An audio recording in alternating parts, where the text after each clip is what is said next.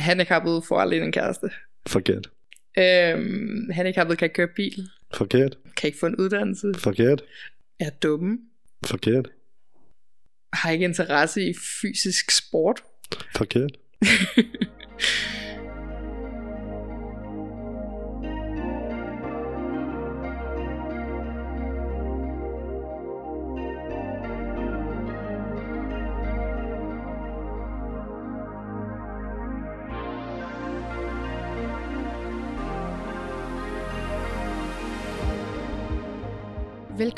til The No Judgment Breakfast Club.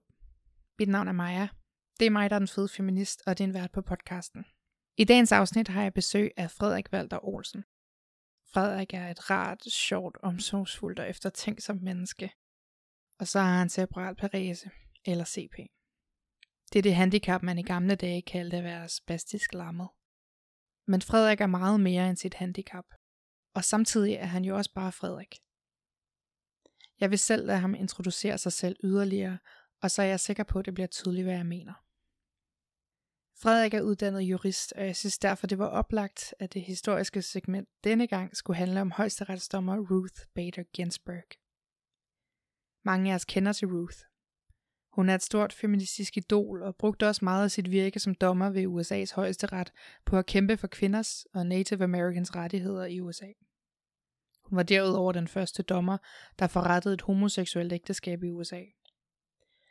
Ruth var dog ikke heldig, og jeg synes det er vigtigt at nævne, at hun igennem sine 27 år i højesteretten kun ansatte én African American som kontorassistent. Men det slog mig, at jeg faktisk ikke vidste nær så meget om Ruth, som jeg ville ønske, jeg gjorde.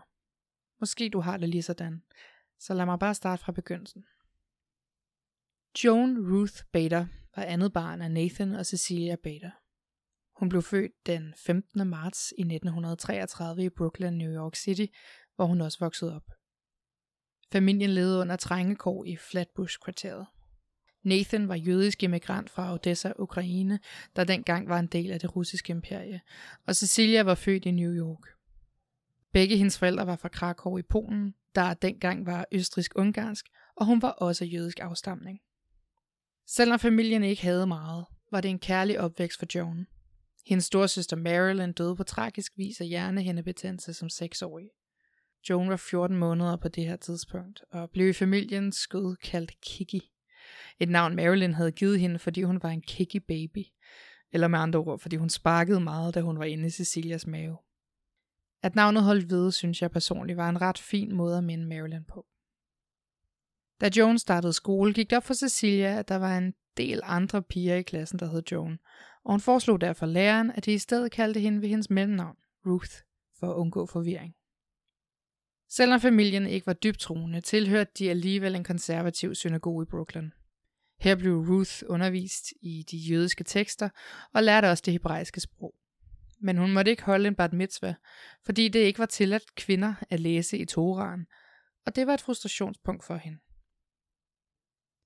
Cecilia var en aktiv del af Ruths uddannelse og tog hende ofte med på biblioteket for at studere. Noget Ruth både nød og værdsatte. Det var tydeligt, hun håbede på mere for sin datter, end hun selv fik mulighed for. Hun ønskede, at Ruth kunne blive lærer på en high school. Cecilia havde selv været en dygtig elev og havde også drømt om at komme på college, men familien valgte i stedet at satse på hendes brors uddannelse, og Cecilia endte derfor med at arbejde på en tøjfabrik for at hjælpe familien med at betale for det. Det var meget almindeligt for mange kvinder i starten af 1900-tallet at ofre deres egen uddannelse for en anden i familien. Det offer blev en inspirationskilde for Ruth, der efter sin indtrædelse i højesteretten sagde, jeg beder til, at jeg må være alt det, hun ville have været, hvis hun havde levet i en tid, hvor kvinder kunne stræbe efter og opnå deres mål, og hvor døtre var lige så værdsat som sønner. Cecilia kæmpede mod kraft igennem Ruths high school år, og hun døde desværre dagen før hendes graduation. Ruth fortsatte sin uddannelse på Cornell Universitet i New York, og her mødte hun den dengang 17-årige Martin Ginsberg, der studerede jura. Hun selv studerede dengang kunst, og endte også med en Bachelor of Arts, i øvrigt som den højst rangerede kvinde på sin overgang. Ruth og Martin giftede sig en måned efter. Ruth beskrev Martin som hendes største booster, og som den eneste unge mand, hun datede, der var interesseret i hendes sind. Som par var de meget forskellige. Martin elskede at underholde og være festens klovn, mens Ruth var mere seriøs og genert. Martin fortalte senere, at deres succes som par kom ned til, at min kone ikke giver mig råd om madlæring, og jeg giver ikke hende råd om loven. For selvom det måske ikke lige lå i kortene, at Ruth skulle blive advokat, så skulle der ikke gå lang tid, før disse drømme meldte sig. Parret flyttede sammen til Fort Sill i Oklahoma, hvor Martin var udstationeret som soldat. Som 21-årig arbejdede Ruth Bader Ginsburg for socialforvaltning i Oklahoma. Hun blev degraderet, da hun blev gravid med parets første barn. En datter, som hun fødte i 1955. Da efteråret 56 ramte, blev Ruth optaget på Harvard Law School, hvor hun var en af kun ni kvinder på en årgang med ca. 500 elever. Det kom ikke uden fordomme og sexisme. Blandt andet oplevede hun, at en professor tilbød hende svarene på en prøve, hvis hun ville have sex med ham. Og efter sine skulle dinen på Harvard Law have skiftevis inviteret de ni kvinder til middag i sit hjem, hvor han så udspurgte dem om, hvordan de kunne finde på at tage en mands plads på studiet. Det var den samme Dean, der afviste Ruths forespørgsel om at færdiggøre sit tredje år på Columbia Law School, da Martin blev forflyttet til New York City. Men flytte gjorde de, og det betød, at Ruth blev den første kvinde, der skrev for de to store law reviews, altså både Harvard Law Review og Columbia Law Review. Det var en hård tid for Ruth og Martin. Martin blev diagnostiseret med testikelkræft, og når Ruth gik til undervisning på studiet, tog hun derfor noter til både hende selv og Martin. Hun skrev hans opgaver til studiet, mens han dikterede, og hun passede både deres lille datter og sin syge mand. Samtidig skrev hun også for Harvard Law Review. Ikke desto mindre gennemførte hun i 59 jurastudiet fra Columbia som delt nummer et på hendes årgang. Når det kom til at finde et arbejde, oplevede Ruth dog vanskeligheder. I 1960 blev hun afvist til et kontorarbejde ved højesteretsdomstolen grundet hendes køn, endda selvom hun havde en flot anbefaling fra sin tidligere professor, der senere blev dean på Harvard. Også hendes tidligere professor på Columbia anbefalede hende til kontorarbejde hos retten i New York under dommer Palmieri. Han troede endda med, at han aldrig mere ville anbefale en anden elev, hvis Ruth ikke blev ansat. Og han lovede samtidig, at han ville finde en erstatning, hvis Ruth ikke var tilfredsstillet i sit virke. Så dommer Palmieri gav efter, og Ruth endte med at besidde den stilling i to år. Efterfølgende skrev hun bøger om jura og lærte sig endda svensk for at kunne blive medforfatter på en bog om civile procedurer i Sverige. Hun lavede research på Lund Universitet i Sverige og boede i perioden hos en svensk familie, der udfordrede hendes tanker om lighed mellem køn. Samtidig så hun jo, hvordan mange svenske kvinder var jurastuderende, på det tidspunkt op til 25 procent på en årgang. Og hvordan en af de dommer, hun observerede til sin research, var gravid i 8. måned, men stadig arbejdede. Ruth tid i Sverige skulle vise sig at være meget inspirerende for hendes virke som dommer. Men nu går jeg for hurtigt frem. For inden hun blev udnævnt som dommer, underviste hun selv på diverse lovskoler i USA.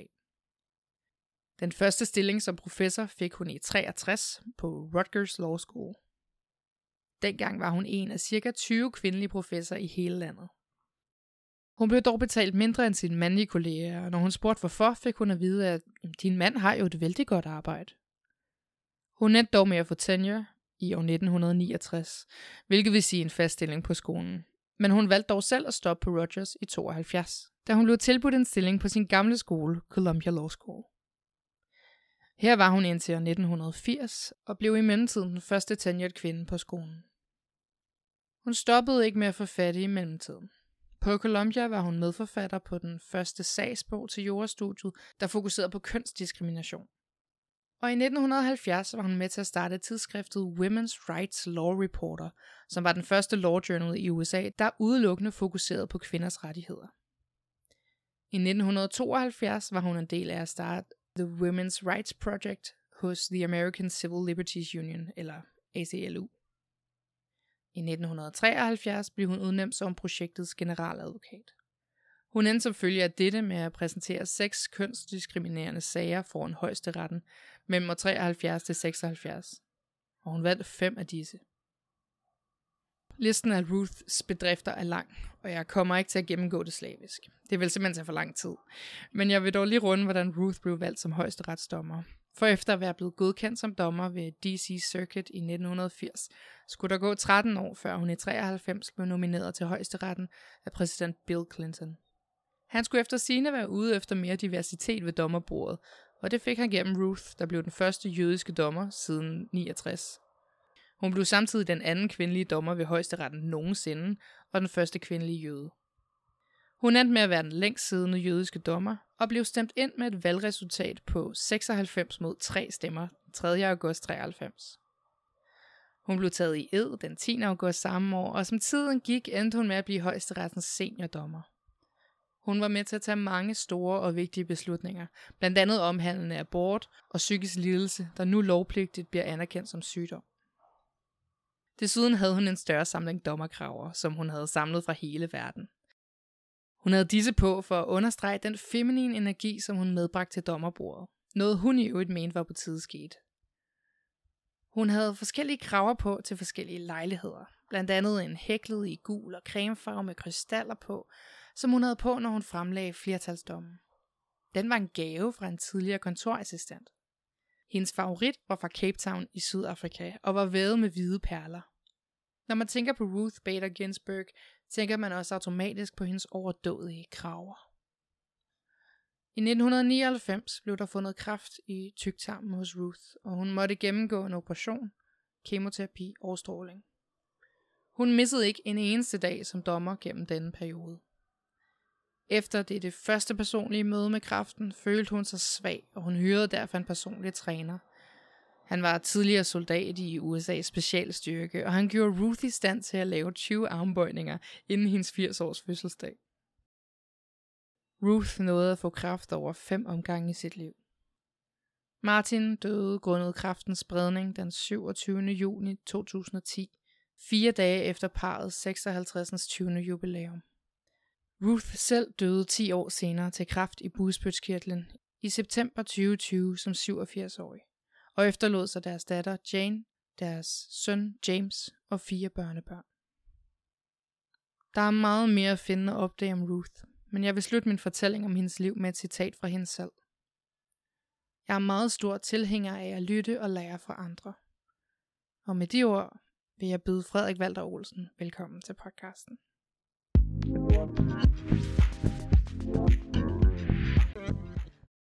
Hej Frederik.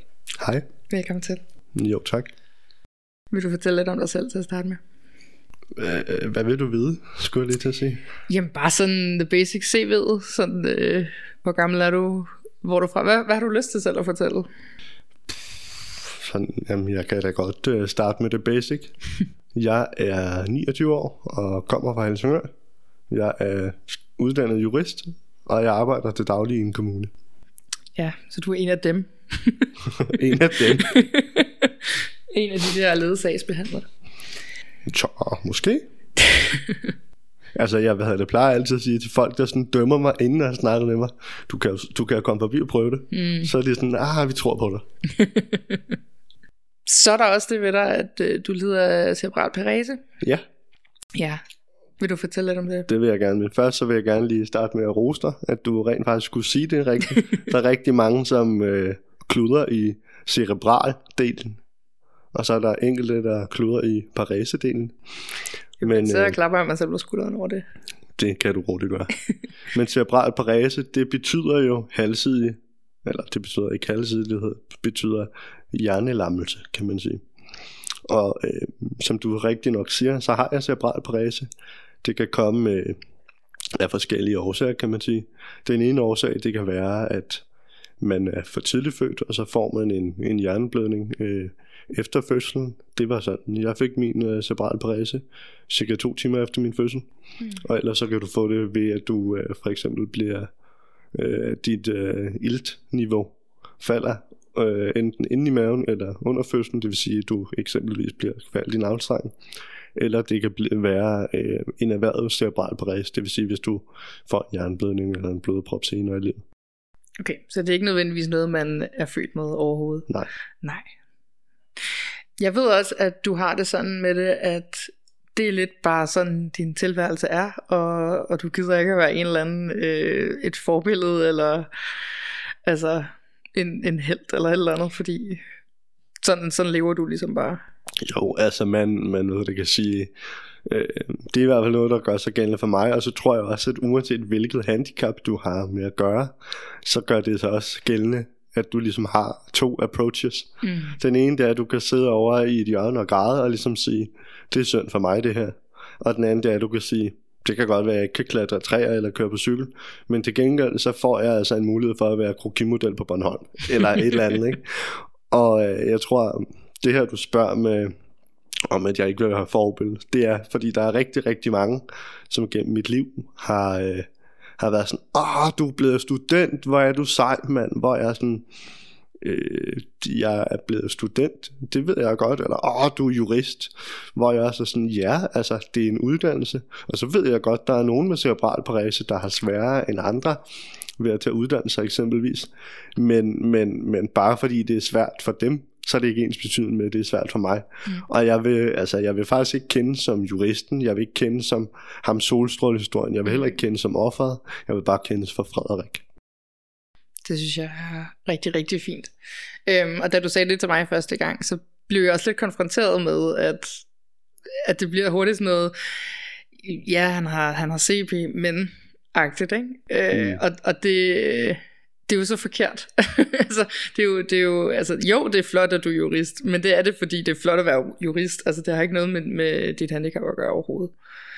Øhm, så jeg tænker, i stedet for, at vi skal snakke en hel masse om, hvor, hvor hårdt det har været, eller hvor nemt det har været, eller, eller hvad, så, øhm, så vil jeg bare høre lidt om dig. Nu sagde du selv krokimodel på Bornholm.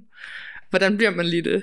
Jamen, det, øh, det gør man egentlig ved, at man... Nu har jeg jo jeg har været i handicapmiljøet i rigtig, rigtig mange år. Og det, der egentlig sker, det er, at på et tidspunkt, så har jeg min gode kammerat, som er formand for Muskelsindsfonden, der ringer til mig og siger, Hej Frederik, kender du ikke nogen, der har lyst til at smide tøjet og være nøgen på Bornholm? Og jeg siger, muligvis. Hvad er det, det her det handler om? Han siger så til mig, at ah, men det er fordi, at øh, de vil gerne sætte fokus i Muskelsindsfonden på det at have nogle, altså det perfekte i det uperfekte. Mm. Det vil sige, de vil ligesom gøre op med de her kropsidealer og lave perfekt med E, fordi at det her perfekte kroppe, det er folk så forbandet trætte af, og, og jeg siger, jamen det, det lyder spændende, og hvad, altså, kan du fortælle lidt mere? Og han siger så, at jamen, det hele projektet går ud på, det er det her med, ligesom at de vil brygge en gin på øh, agurker, og de vil ikke brygge det på hvad som helst, de vil brygge det på de krumme agurker. Og nu kommer der lidt jure, men det er fordi, at øh, agurker for at blive solgt til supermarkeder, så skal de have en krumning på, eller de må maks have en krumning på, jeg tror det er 8 eller 16 mm. Øh, grader. Og så blev der ligesom sagt, at øh, hvis der var en øh, for stor krumning, så at sige, så øh, blev de kasseret. Og det var egentlig der, hvor Muskelsvindsfonden, de tog dem så, og siger, så laver vi øh, gin af det. Mm. Og så blev jeg, sagde jeg, det kunne jeg godt tænke mig at være en del af. Og vi lavede så en aftale om, at jamen, jeg skulle stå på folkemøde. Det var i 2016 eller 17. Og så hængte det egentlig ved, når de skulle ud og lave deres arrangementer. Jeg har været på folkemøde igen i år, og jeg er blevet deres faste kampagnemodel, kan man sige. så du er faktisk model? Ja. det er da også meget fedt. Ja. Og altså, altså, jeg vil sige, jeg havde nok aldrig nogensinde i min vildeste fantasi troet, at jeg skulle tjene penge eller gin på min nøgne krop. eller bare krop generelt.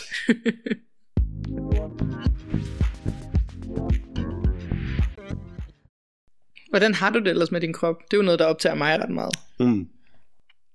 Øh, altså, jeg, jeg tror, at jeg, øh, jeg har holdt uh, tilstrækkeligt mange faglige møder med den.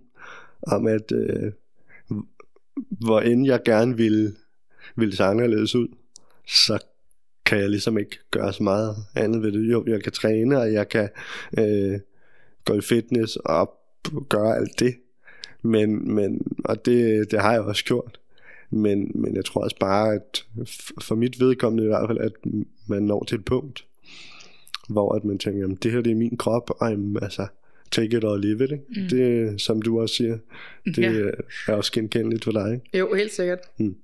Jeg, jeg, jeg er også bare lidt nødt til et punkt, hvor jeg sådan... Jeg gider ikke at bruge mere af min energi på at, at være ked af det her. Altså, Nej. øhm, ja, Og man, man, man hvad hedder det, kan sige, der, der er også lidt en fordel i det hele, fordi dem, dem som så kigger på en og tænker, ej, man er for tyk, eller ej, men øh, jeg, har, jeg har eksempelvis et kæmpe ar på maven. mm. Og de tænker, ej, det, det kan jeg simpelthen ikke arbejde med, eller man ikke har sixpack ligesom Cristiano Ronaldo. og, og, og det er jo, altså, jo, kroppen den tiltrækker i en anden grad, men man kan også sige, den personlighed, det er jo, altså, kroppen den forfalder i en eller anden grad jo i løbet af livet, ja, ja. mens at ens øh, personlighed, den skulle ikke så, ikke så gerne øh, forfalde, ikke? Nej, altså jeg, jeg er jo den opfattelse, at jeg håber, at jeg kommer til at udvikle mig hele mit liv. Mm. Øhm, men jo ikke i en negativ retning. øhm, Nej, og altså, det, det, er- det at man går, nu siger jeg, med lidt unikke kroppe, kan man sige, det, er- det er jo også med til at lave den første grovsortering af for eksempel douchebags, eller, eller at man tænker, okay, nogle folk, jeg reelt gerne vil bruge tid på. mm, Fordi at jeg har, har hvad hedder det, heldigvis, så er det jo sådan, når man har cerebral parese, så når mennesker uden cerebral parese har taget et skridt, så har vi taget tre. mm. Så jeg har også en god forbrænding. men, men, men altså, Nå, men jeg har da sikkert også super stærke muskler, fordi jeg skal bære mere vægt, end andre mm. Mennesker skal. Altså. jo, altså, altså man, man ved det kan sige, det giver jo nogle fordele. Altså det her med, hvis jeg kommer hjem og tænker, ej, nu har jeg skulle lige løfte en burger, eller så åbner jeg det og spiser det. Og, altså, så har jeg ikke det der, ej, jeg skal også passe på vægten bagefter, fordi jeg gør, hvad jeg har lyst til. Mm. Og så må man tage mig eller lade være. Mm. Det er også en enorm frihed at gå igennem livet med. Mm. Ja. Nu ved jeg godt, vi har snakket om, at, øhm, at vi skal lave en podcast. Du har nemlig også en podcast. Den kan du også få lov at fortælle lidt om senere. Øhm, men der vil du gerne snakke om det her med fordomme. Mm. Øhm, tænker du, det er noget, vi også lige kan runde her? Sagtens. Ja. Altså, det, som sagt, jeg er jo gæst i din podcast, så du bestemmer, om vi skal snakke om pinke tøjdyr, eller om vi skal snakke om mit liv. Jamen, så vil jeg gerne høre øh, nogle fordomme, som, som du kan støde på, og måske nogle fordomme, du selv har også. hvad, skal- hvad skal vi starte med? Jeg tror, det er lettest at starte med de fordomme, som jeg selv kan støde på. Mm. Øhm, altså, jeg støder måske ikke så meget på fordomme nu, som jeg gjorde, da jeg var yngre. Mm. Men øh, dengang, der var det meget, at jamen, kunne jeg det ene eller det andet? Kunne jeg selv tage sokker på? Kunne jeg selv lave mad? Var jeg klog, kan man sige? Altså, det er noget, andre mennesker har spurgt Ja, om. Ja. Altså det kunne, jeg husker, at jeg var oppe hos min bonusfamilie. Det er min bedste venindes familie, vi er vokset op sammen. Så, Mm. der, så er det ligesom blevet min bonusfamilie.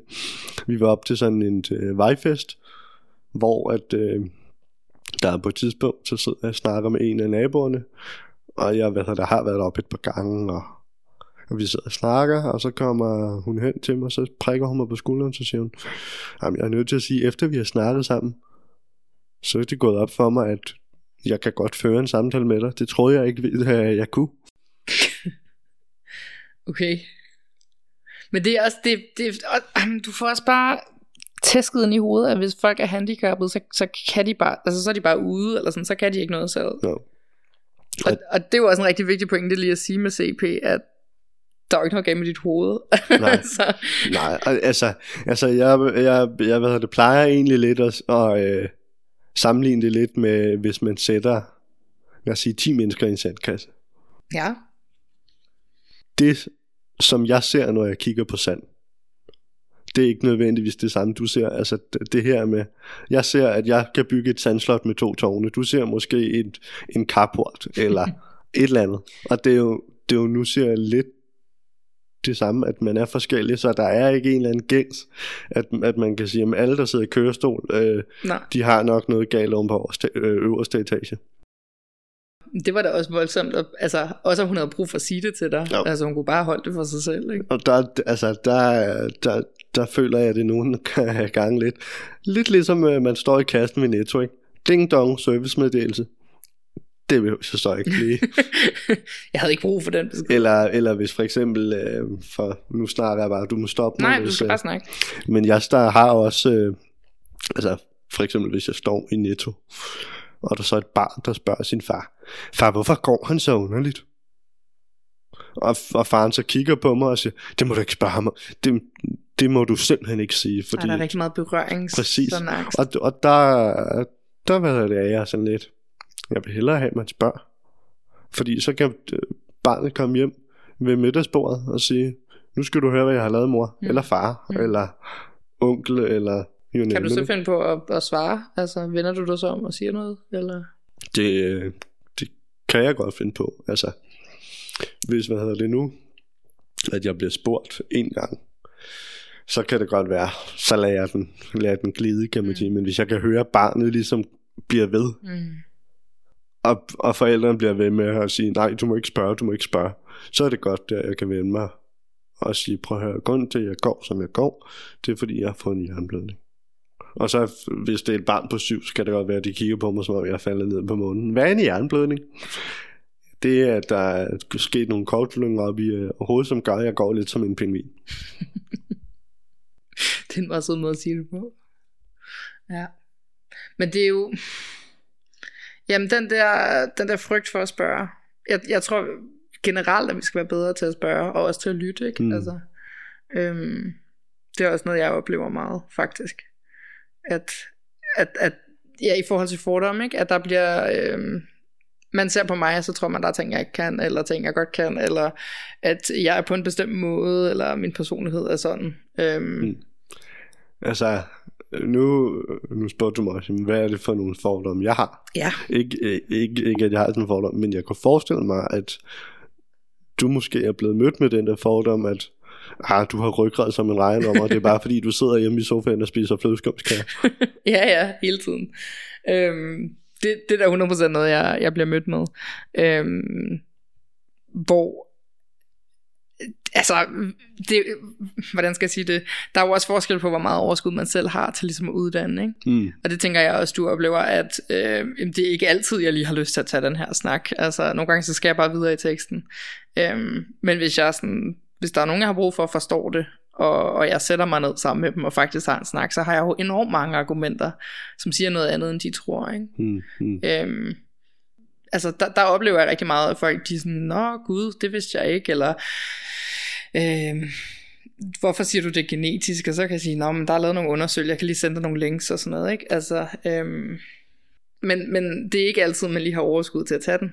Nej, og altså, altså jeg må da også sige, altså det her med at have fordom, det kan også have sin fordel. Altså mm. fordi igen, man kan vende alt positivt. Mm. Og for eksempel, der er nogen, der ser mig og tænker, okay, han skal have, hvis nu, lad os sige, en pakke smør er blevet åbnet i Kvickly, eller sådan et eller andet. Det har jeg været ude for en gang. Så kigger det på mig. Ej, du kan da ikke, du kan da ikke løbe. Skal jeg ikke lige løbe ned og hente den for dig? Og jeg er sådan et, jeg kunne teknisk set godt, men fordi du tilbyder. så lad os bare skrive det på regningen, ikke? Og det er jo, altså, det er jo, det er jo, det, det jo bare det, hvor netop som du siger, hvor meget overskud har man. Ja. Fordi jeg kunne også bare have kigget og sagt, prøv at du skal slet ikke sige noget af mig. Mm. Og så bare have været sur, men det lader jeg ikke. Det lader jeg ikke, nu siger jeg påvirke. Mm. Og så nævner du det her med, øhm, spørg hvilke fordomme jeg selv har. Og så kan man jo sige, mm, det vil, det vil være underligt, hvis ikke jeg havde fordom, fordi ja, ja. det har alle mennesker. Og jeg tror også, fordi jeg har det job, jeg har, så bliver min fordom dagligt gjort til skamme, kan man sige. fordi at øh, det, det, hvad hedder det, er ikke, øh, altså, dem der, der er tusset med tatovering op og ned af halsen eksempelvis, det kan være jordens rareste mennesker. Mm. Og inden jeg begyndte at have med dem at gøre, eksempelvis, så øh, var det ikke nødvendigvis min første tanke. Jeg har enormt mange fordomme, og man kan sige, så er det jo der, hvor man kan diskutere, hvornår er noget fordom, og hvornår er noget reelt nysgerrighed. Fordi jeg kan da også kigge på eksempelvis folk i kørestol og tænke, okay, de må hjælpe eller et eller andet, fordi det er det, jeg er vant til, det er den referenceramme, jeg er vant til. Jo, jo, det er klart. Men, men man kan sige, den nysgerrighed i mig, den gør så også, at jeg møder dem der, hvor de er. Jeg siger, må jeg spørge dig om noget? Har du hjælper? Eller hvordan klarer du lige det ene og det andet? Altså, jeg troede eksempelvis, øh, at bare fordi man sad i kørestol og måske har hjælper, så havde man, havde man rigtig, rigtig svært ved at være intim med andre, eller at man havde så kunne man aldrig få en kæreste. Og jeg vil sige... Ja, eller man måske bare ikke havde lyst til det. Ja, altså. og, og det er jo, altså, der har jeg gennem mit, mit, min omgangskreds fået, fået et, et, et nuanceret billede på, på den, øh, hvad skal man sige, fordom. Mm. Og det er, jo, det er jo også derfor, jeg tænker, at det er sundt, og det vil jeg faktisk gerne anbefale alle dine lyttere til at være nysgerrige, fordi hvis man er sådan, ah, men det er nok sådan ting forholder sig, og ikke graver ned i det, mm. så udvikler man sig ikke, og hvis man ikke udvikler sig, så går man i stå, mm. og det er røvkedeligt. Ja, men det synes jeg er en virkelig stærk pointe, at spørge, altså, og så kan det jo godt være, at folk de bliver sure og siger, hvorfor spørger du om det, eller, altså, mm. det, det må de jo så, altså, men jeg vil hellere spørge, end jeg vil bare tro noget, altså sådan. Jo, at man hvad det kan også sige, lige så snart du spørger, så åbner du for en mulighed for en dialog, og så ja, er det op til, til, til modparten at sige, vil jeg svare på det, eller vil jeg sige, prøv at høre, ikke lige i dag, eller, mm. eller hvad ja. vil vedkommende egentlig svare? Ja.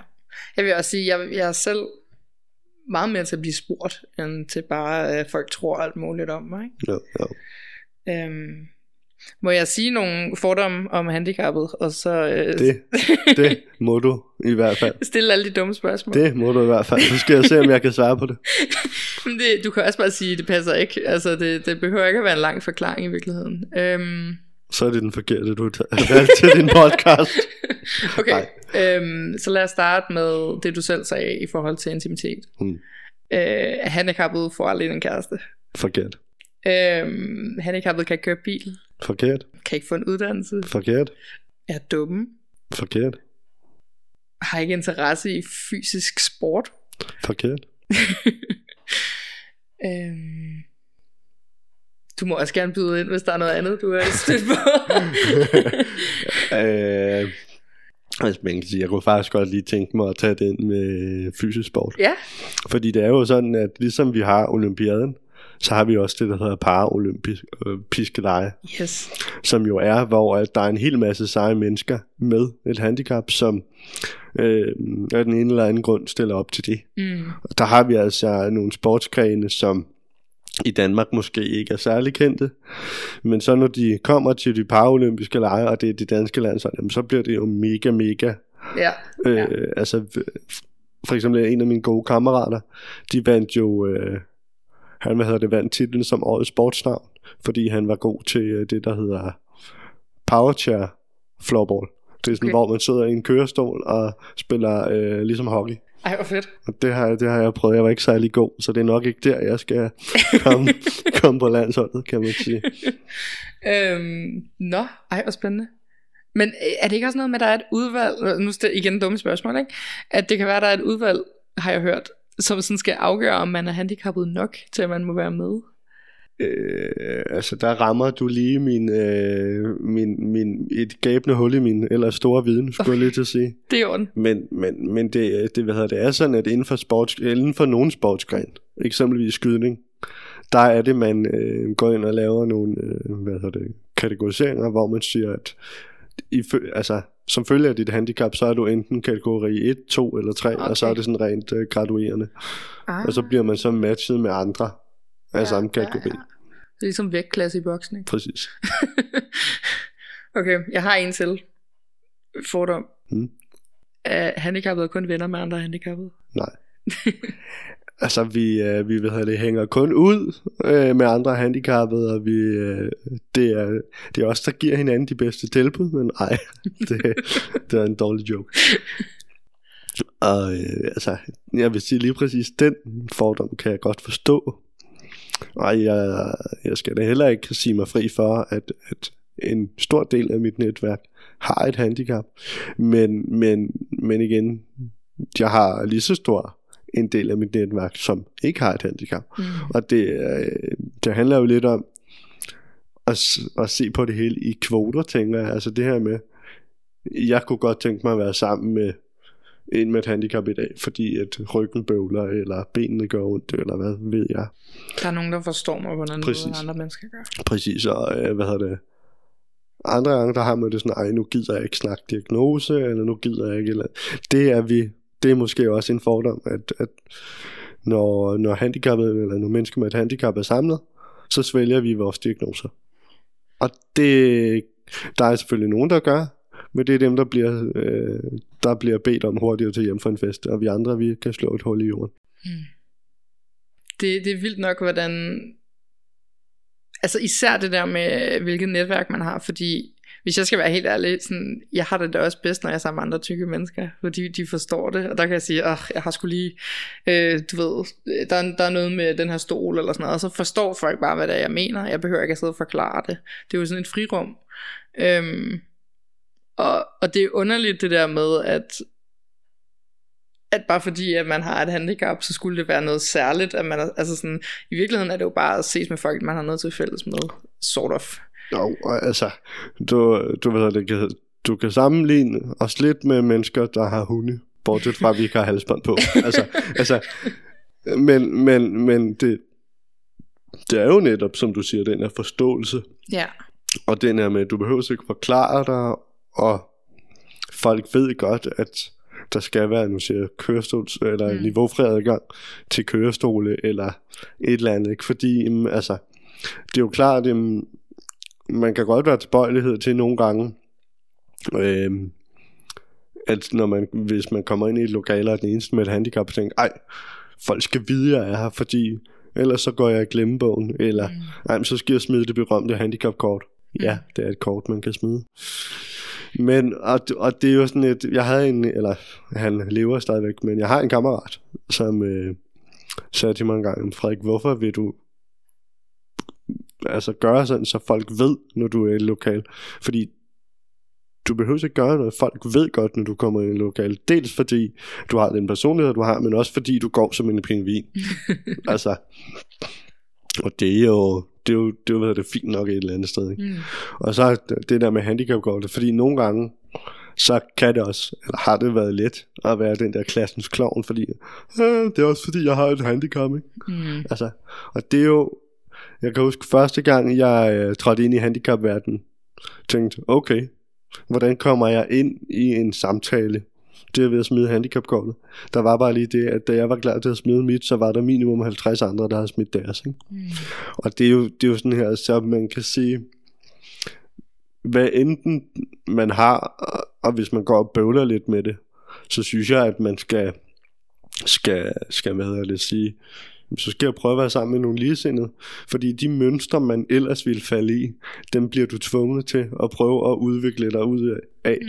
sådan så man bliver tvunget til at sige, okay, nu kan jeg lige pludselig ikke hænge min hat på den her identitet, jeg ellers har opbygget med mennesker uden Nej, men handicap. bliver det konfronteret med, at sådan, jeg, jeg kan godt være noget andet, end bare ham, den handicappede, eller Jo, den og d- altså, eller- altså vil sige, du er, du er nødt til at være noget andet, fordi hvis ikke du er noget andet, så er du ikke noget. præcis, så er du ikke noget, så er det, så er det dig, ingen gider at snakke med, Ja. eller Det var spændende.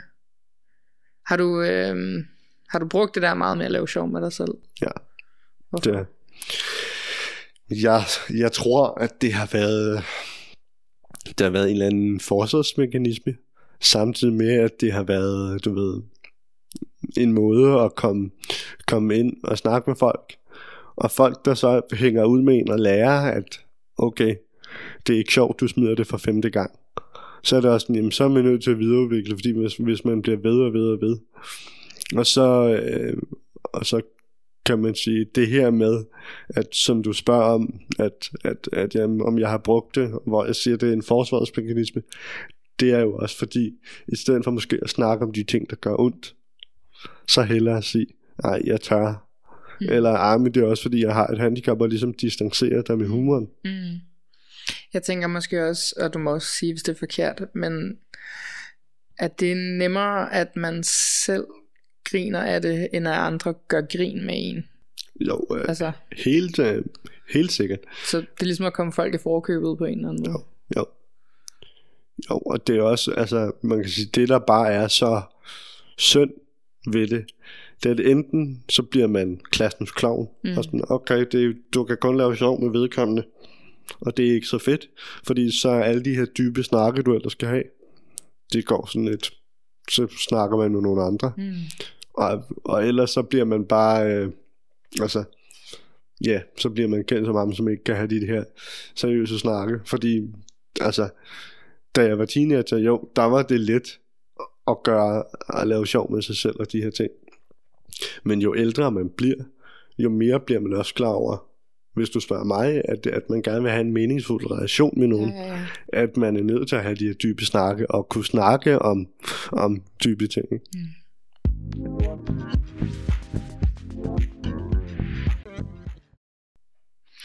Jeg skal høre lidt mere om det der handicapkort. Åh oh, nej.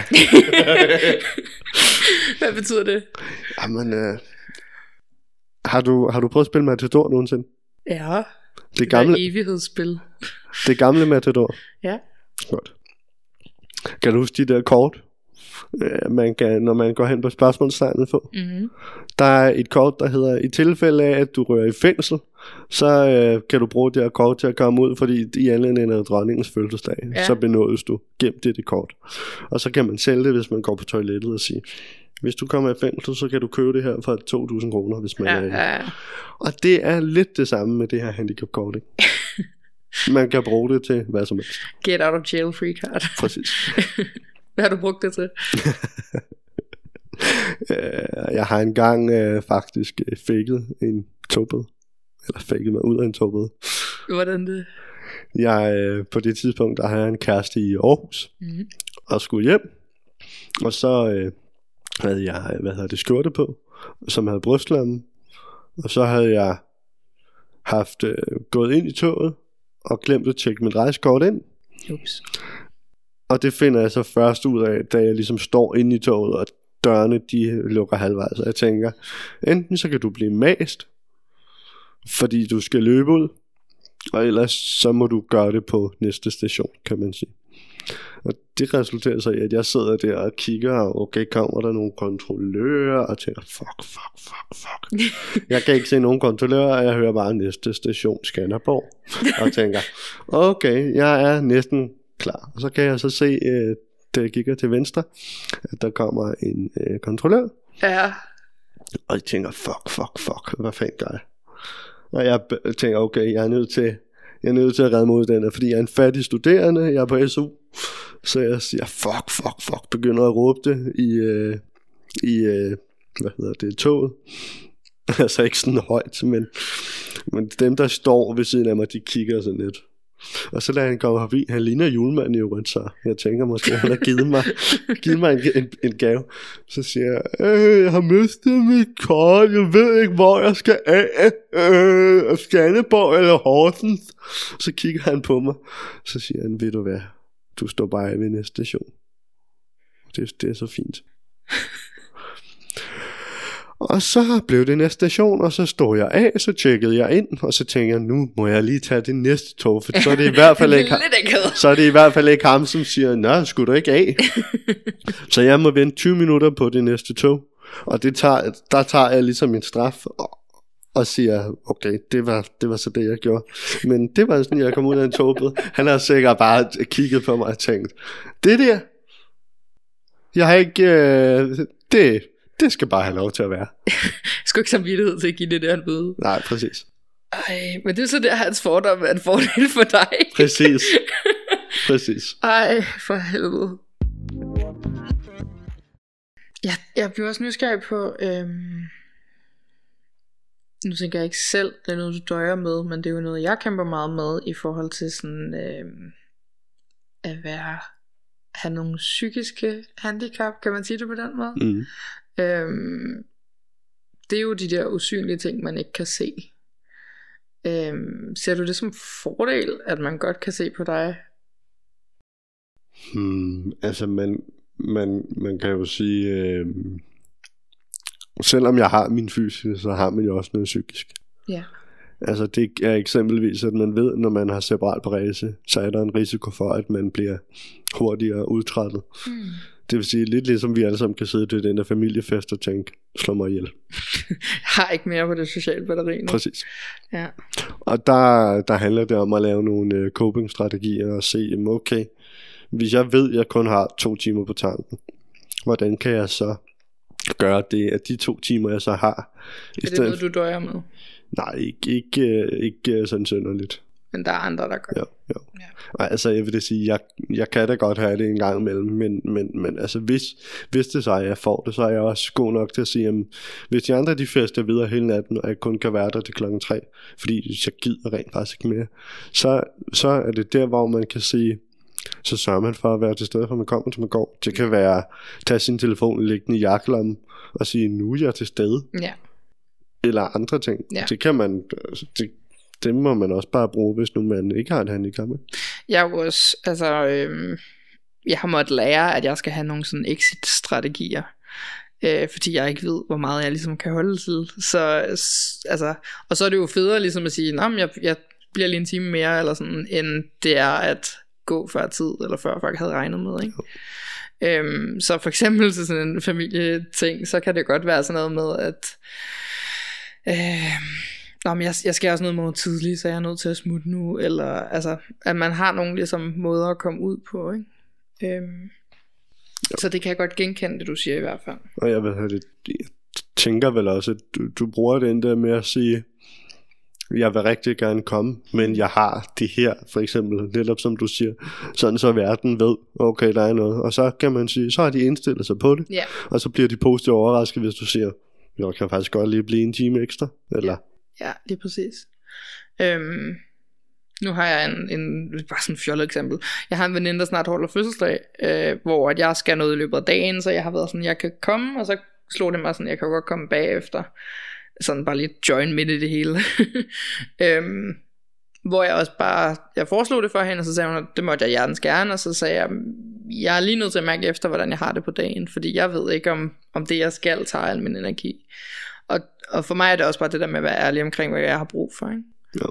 Øhm, ja, og det er jo en svær øvelse. Jo, og, altså, altså jeg tror, i, øh, i bund og grund, så handler det om, at vi er bange for at blive forladt, og vi er bange for at skuffe. Ja.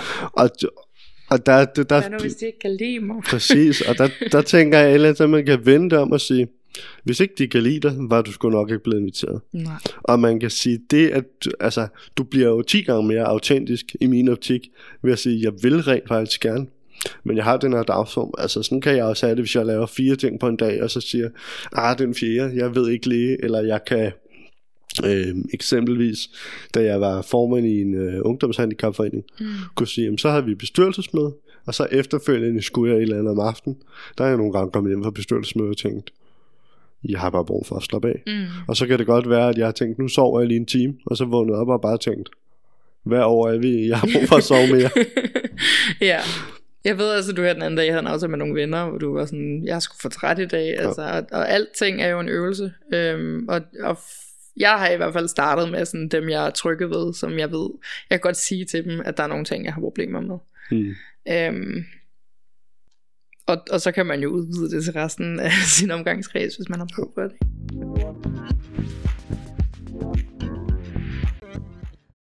Det er meget sjovt, fordi øh, det her med at blive forladt eller være ensom, det er sådan min store... Øh, det er den, der rigtig gør ondt, ikke? Øhm, og det er der en masse grund til. Det behøver vi ikke komme ind på. Øhm, men pointen er, at hvis man ved, at det er noget, der, der bor i en, så er det jo et spørgsmål om, hvordan man kommer væk fra det, eller sådan, hvordan får du tillid nok til andre mennesker til at tro på, at jeg må gerne være mindre end 100%, for at de stadig bliver hos mig. Ikke? Jo, altså, men hvad hedder det, kan sige, jeg var på et lederkurs på et tidspunkt, Ja. og der øh, snakker vi lidt om det her med 100% og hvordan det blevet. Og så kan man sige, alle mennesker yder deres 100, alle mennesker yder deres 100%. Mm. Det er ikke nødvendigvis det samme som Og de, 100%. nej, præcis. Og det kan jo godt være, at jeg kigger på det og tænker, ej, Maja, hun yder fandme kun 60%. Ja, men så er det 60% af det, jeg vil. Men du yder stadigvæk dine 100%. Ja. Og det er jo der, hvor nogle gange, at, at mennesker kan være nu skal jeg ikke gøre mig selv heldig, fordi jeg kan også finde på det, men, men, men at vi kan være enormt hurtige til at sige, den referenceramme, vi sætter op, det er den, jeg selv kender, frem for at sige, mig har måske nogle vilkår, som jeg ikke har, mm. eller omvendt. Mm.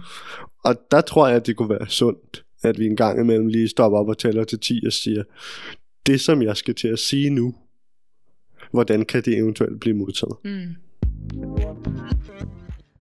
Okay, jamen jeg tror, vi skal til runde af. Ja. Hvis det var okay med dig. Hvis du ikke har et eller andet på falderæbet.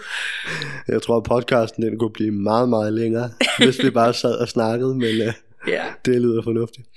Øhm, jeg tænkte, at du lige skulle have lov at øhm, fortælle, hvor man kan finde dig, hvis man har lyst til det. Jeg ved, du laver noget, noget podcast. Ja. Øh, Altså hvis øh, man bare har siddet og lyttet til den her fantastiske podcast og tænkt, den der stemme, den er egentlig meget behagelig, så kan man finde mig ved at søge på Madklubben Mere end Mad. Det kan du finde på Anchor, tror jeg den hedder. Du kan finde den på Spotify. Du kan finde den på Apple Play. Og så kan du simpelthen høre øh, min podcast. Mhm. Og hvis det er, at du tænker, nej, jeg vil sgu egentlig gerne se ham live, så øh, kan du finde mig på Instagram, Frevalol med W, Mhm. eller Frederik Valder Olsen på Facebook. Cool. Men øh, tak fordi jeg måtte være med. Ja, selvfølgelig må du det.